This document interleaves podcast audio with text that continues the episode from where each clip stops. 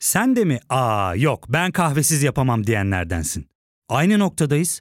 İlk ve tek kahve üyelik uygulaması Frink'le tanış. Hem bütçeni koru hem de hiç bitmeyen kahvenin tadını çıkar.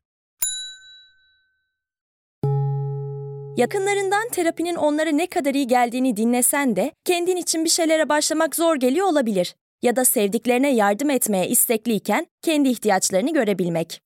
Hayvel, uzman psikologlarıyla kendi ihtiyaçlarını bulmanda sana destek olacak. Terapi yolculuğuna başlamak için detaylı bilgi bölümün açıklamalarında.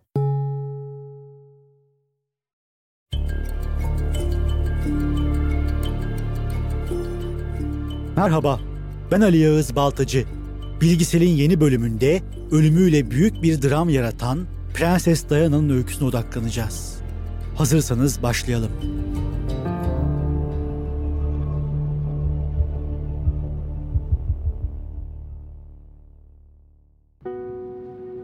We are today a nation in Britain in a state of shock, in mourning, in grief that is so deeply painful for us. She was a wonderful and a warm human being. Henüz 3 ay önce göreve gelen çiçeği burnundaki Birleşik Krallık Başbakanı Tony Blair bu konuşmaya özel olarak hazırlanmıştı. Okuyacağı taziye mesajında altı çizili bir cümle bulunuyordu. Blair'ın basın danışmanı Alistair Campbell bu cümlenin özenle vurgulanmasını istemişti. Altı çizili bu cümlede o halkın prensesiydi ifadesi yer alıyordu. Başbakan Blair bu cümleyle tek taşla üç kuş vuracaktı. Hem Prenses Diana'nın ölümü sonrası yasa boğulan halkın acısını paylaşacak, hem Diana'ya duyulan büyük sevgiye sahip çıkacak, hem de onun ölümünden sorumlu tutulan kraliyet ailesine karşı büyüyen halk tepkilerinin yanında saf tutacaktı. Zira halkın prensesinin ölümü yüzlerce yıllık devlet geleneğini alt üst eden dramatik bir hikayenin izlerini taşıyordu. Diana Frances Spencer ya da tüm dünyanın tanıdığı ismiyle Prenses Diana. Bugün Kral 3. Charles olarak bilinen, dönemin Galler Prensi ile yaptığı evlilik sayesinde tüm dünya adına aşina oldu. Ancak Diana'yı özel kılan sadece kraliyet gelini olması değildi. İmajı, karakteri, söylemleri ve eylemleriyle de tüm odakları üzerine çekmişti prenses. 29 Temmuz 1981'de tüm dünyada 1 milyara yakın insanın canlı izlediği tahmin edilen görkemli bir düğün töreniyle dünya evine girdi Diana ve Charles. 20 yaşındaki Diana artık Galler'in prensesi, Veliaht Prens'in biricik eşiydi. Gelin görün ki bir rüyaya andıran bu düğün sonsuz bir saadetten çok travmaların, çalkantıların ve bitmek bilmeyen çatışmaların sembolü olacaktı. Prenses, Büyük Britanya halklarının pek de alışkın olmadığı bir mizaca sahipti. Sıcakkanlı, utangaç, güler yüzlü ve naif bu genç kadın kısa zamanda kendisini kitlelere sevdirmeyi başarmıştı. Beden diline önem veren, etrafa gülücükler dağıtan, çocuklara sarılan, bebekleri kucağına alan ve halkla iletişim kuran prenses bütün ilgi odaklarının kendisine dönmesini sağlamıştı. Ancak Diana halktan gördüğü bu sevgiyi kraliyet ailesinden göremiyordu. Kraliçe Elizabeth ve Prens Philip, Diana'nın basında çok fazla yer aldığını, tabiri caizse tribünlere oynadığını düşünüyordu. Onun kraliyet ailesinin ağırlığını ve azametini taşıyamadığı kanaatindeydiler.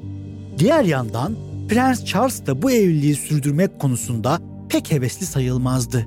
Üstelik takıntılı bir şekilde aşık olduğu Camilla Parker Bowles ile görüşmeyi sürdürüyordu. Prenses Diana'nın kraliyet ailesine armağan ettiği iki erkek çocuğa rağmen evlilikleri yolunda gitmiyordu. Bu da Diana'nın hanedanlık içinde kendini yalnız hissetmesine ve duygusal demeçler vermesine sebep olmuştu. You will ever be queen. No, I don't. No. Why do you think that? I'd like to be a queen of people's hearts, in people's hearts. But I don't see myself being queen of this country. Verdiği son röportajlardan birinde söylediği, kraliçe olacağımı düşünmüyorum. İnsanların kalbindeki kraliçe olmak isterdim. ama kendimi bu ülkenin kraliçesi olarak görmüyorum sözleri prenses ve kraliyet ailesi arasındaki ilişkiyi son derece çarpıcı bir şekilde özetliyordu aslında. Galler prensesinin verdiği bu türden demeçler onu halka daha da yaklaştırdı. Ancak bu açıklamalar kraliyet ailesinin kendisine daha da cephe almasına sebep oldu. Kraliçe Elizabeth ve hanedanı kızmakta çok da haksız sayılmazdı. Zira Diana yaşadığı yalnızlığı ve hüznü aktararak kraliyet ailesini de medyanın ve halkın önüne atmış oluyordu. Tüm bu anlaşmazlıkların gölgesinde Diana ve Charles'ın evliliği yürüyemezdi. Kraliçe Elizabeth bizzat boşanmalarını istiyordu. Neticede 28 Ağustos 1996'da Diana ve Charles yollarını ayırdılar. Gezegendeki en görkemli ve heyecan verici evlilik bitmiş, peri masalı sona ermişti. Bunun üzerine Diana'nın ünvanı da değiştirildi.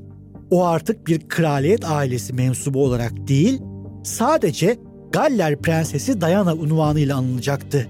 Halbuki Diana'nın değişmeyen tek unvanı halkın prensesi olmasıydı. Boşanma sonrası hem magazinin hem de halkın ilgisini kendi üstünde tutmayı sürdürdü Diana. Ancak prenses kraliyet ailesine en büyük darbesini yaşamdayken vurmadı. 31 Ağustos 1997'nin gece yarısı saatleriydi. Diana, Paris'te kaldığı Ritz Oteli'nden aracıyla çıkış yaptı. Arabada Mısırlı sevgilisi Dodi Fayet de vardı. Bazı iddialara göre Diana'yı sevgilisiyle görüntülemek isteyen paparaziler aracın peşine düştüler. Bir anda hızlanan araç Alma Köprüsü'nün altındaki tünele doğru yöneldi. İşte tam da bu sırada Diana'nın şoförü kontrolü kaybetti ve araç duvara çarptı. Paris'in parlayan ışıkları altında başlayan akşam birden karanlığa gömülmüştü. Dodi Fayet olay yerinde yaşamını yitirdi. 36 yaşındaki Diana ise araçtan ağır yaralanmış bir şekilde çıkarıldı. Kazadan 3 saat sonraysa kaldırıldığı hastanede vefat etti. Diana'nın ani ölümü tüm dünyada büyük bir şok etkisi yaratmıştı. Ancak burada bölümümüze kısa bir ara vereceğiz. Geri geldiğimizde ise Diana'nın ölümünün kraliyet ailesi üzerindeki etkilerine odaklanacağız. Ya fark ettin mi? Biz en çok kahveye para harcıyoruz. Yok abi, bundan sonra günde bir. Aa, sen Frink kullanmıyor musun? Nasıl yani? Yani kahvenden kısmına gerek yok.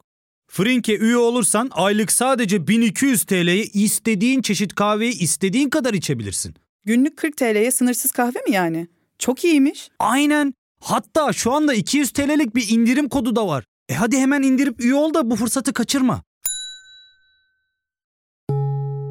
Terapiye başlamak, içinden çıkamadığın döngüleri kırmak, bazı yanlış bulduğun kararlarını değiştirmek ve kendinle beraber daha huzurlu bir yaşam inşa etmek için atabileceğin en değerli adımlardan biri. Hayvel ile yoğun yaşam tempona uyum sağlayarak online terapi seanslarını takvimine göre ayarlayabilirsin. Bini aşkın uzmandan sana en uygun terapisti seçebilir, podb10 koduyla indirimden yararlanabilirsin. Detaylı bilgi açıklamalardaki bağlantıda.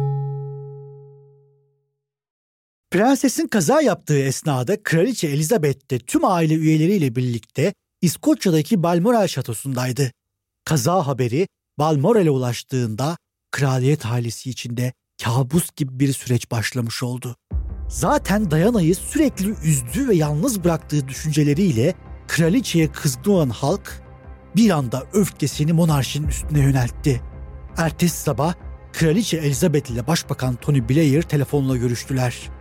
Kraliçe konuya ilişkin bir açıklama yapmak istemediğini, Diana'nın hanedan üyesi olmadığını, cenaze ve defin sürecinin Spencer ailesinin tasarrufunda olduğunu iletti. Fakat Elizabeth'in bu inatçı tutumu kendisine çok pahalıya mal olacaktı. Başbakan Blair ise fırsatı kaçırmayarak meşhur konuşmasını yaptı. Kraliçe büyük bir tepkiyle karşı karşıyayken Blair halkın nabzını en iyi tutan kişi olarak puanları toplamıştı. Elizabeth ise geri adım atmıyordu. Londra'daki Buckingham Sarayı'nın bayrağının yarıya indirilmemesi ve kraliçenin Londra'ya dönmemesi yangını iyice harladı. Halk çok öfkeliydi. Buckingham Sarayı'nın önünde toplanan on binlerce insan burayı çiçeklerle doldurdu. Kraliyet ailesi sessiz kalmaya devam ettikçe halktaki infial de büyüyordu. Üstelik Elizabeth'in karşısında yalnızca medya ve halk durmuyor, yakın çevresi de ona cephe almaya başlıyordu. En başta da merhume Diana'nın eski eşi ve kraliçenin büyük oğlu Charles yer alıyordu. Prens Charles, annesinin Diana için kraliyet seremonisi istememesi sonrası Başbakan Blair'i aradı. Kraliçemiz mensubu olduğu jenerasyondan dolayı halkın nabzını tutma konusunda pek başarılı değil. Ben sizinle aynı fikirdeyim Sayın Başbakan. Diana için özel ve resmi bir tören gerçekleşmeli, dedi. Blair cephesi ise Prens Charles'ın bu tutumunu halkın kraliçeye yönelik öfkesinden kendisini sıyırmaya çalışma girişimi olarak yorumluyordu. Günler geçiyor, Buckingham Sarayı'nın önünde biriken çiçeklerin sayısı artıyordu. Kraliyet ailesine yönelik çeşitli küfür ve hakaretlerin yazılı olduğu pankartlar saray duvarlarına bırakılıyordu. Ada bambaşka bir atmosfere bürünmüştü. Halkın tepkisi ve Başbakan Blair'ın tüm ısrarlarına rağmen 2. Elizabeth tavrından ödün vermiyordu. Kendisine açıklama yapması ve Londra'ya dönmesi için adeta yalvaran Blair'a tavrını şu sözlerle açıkladı kraliçe. Ölüm gibi hadiseler karşısında bize yakışan duruş vakar ve asil olmaktır. İnsanların hatıralarına saygının gereği de budur. Prenses medyada fazlasıyla yer almasının bedelini ne yazık ki çok pahalı ödedi. Bu sürecin magazin malzemesi haline gelmesini istemiyorum. Kraliçe gerçekten asil ve vakur duruşun bu olduğuna mı inanıyordu?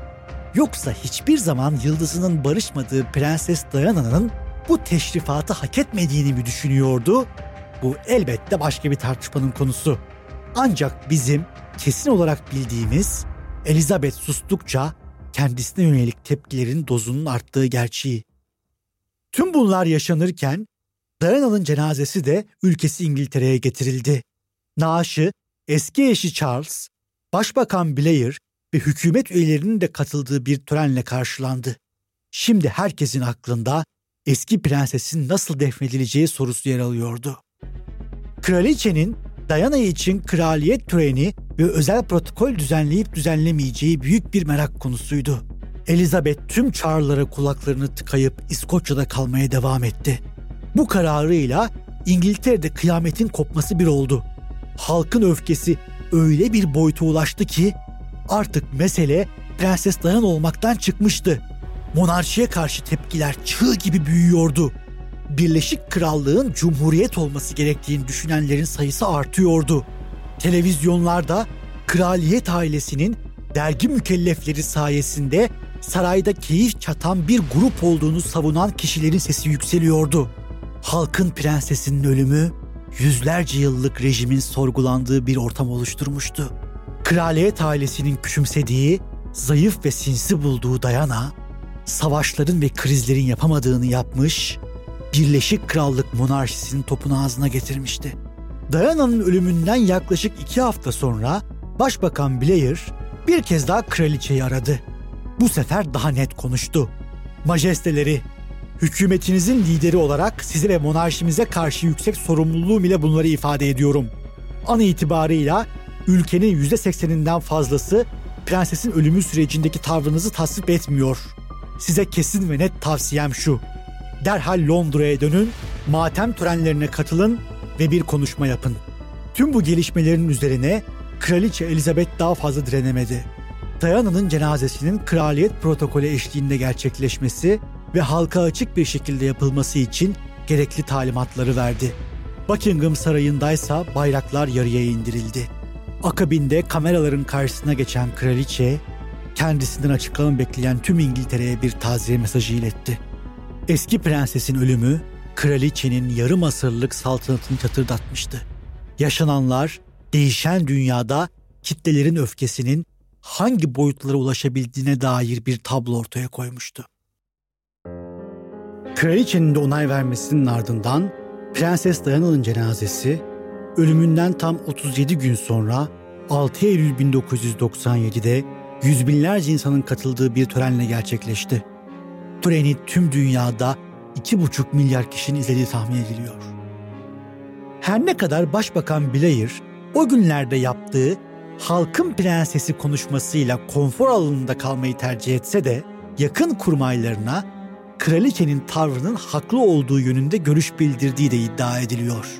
Buna göre Blair, kraliçenin tutumunu kendi konumuna yaraşır bir ağır başlılık göstergesi olarak değerlendiriyor. Kraliçeye karşı büyüyen nefreti ise popülizm ve şımarıklık olarak tanımlıyor. Eski başbakan gerçekte böyle düşünüyor olsa bile o dönemin atmosferinde Dayana güzellemesi yapmaktan başka bir tavır gösteremedi. Kısacası herkes Dayana sevgisine teslim oldu. Yakın zaman önce vefat eden Kraliçe Elizabeth ise o günleri hayatımda bu kadar yoğun bir nefrete hiç maruz kalmadım sözleriyle anlatıyordu. Prenses Diana'nın monarşiye en büyük armağanı Veliaht Prens William ve küçük kardeşi Prens Harry oldu. İki prensin de babasından çok annesine benzediği, zarafetlerini annelerinden aldığı, Elizabeth'in aksi yöndeki tüm çabalarına rağmen annelerinin karakter özelliklerini taşıdıkları da sık sık vurgulanıyor. Prens Harry'nin annesinin tabutuna bıraktığı Mami yani anneciğim yazısıysa Diana'nın ailesinin evinde geleceğin kral adayının notu olarak saklanmaya devam ediyor.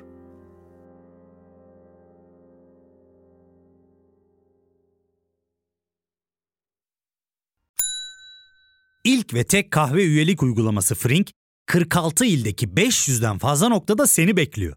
Açıklamadaki kodu girerek sana özel 200 TL'lik indirimden faydalanmayı unutma.